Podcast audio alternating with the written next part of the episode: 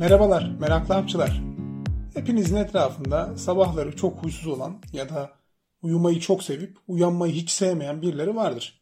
Heh. Bazen onlar için afyonu patlamamış herhalde deriz. Ya da dendiğini duyarız. Da deyimin nereden geldiğini bilmeyiz.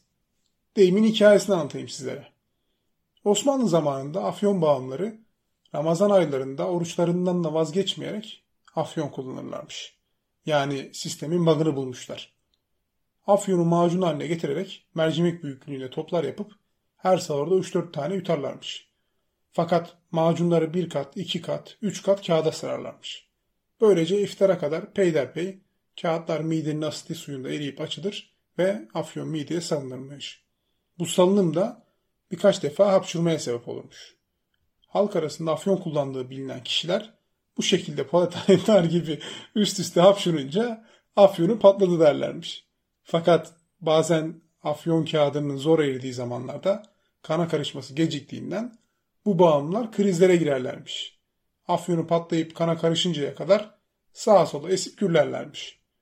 Özellikle sabahları ya da günün ilk saatlerinde hani öğlen olmadan diyeyim etrafındakileri çok anlamayan ya da huysuz olan, sinirli olan tiplere afyonu daha patlamadı galiba denmesi bundandır.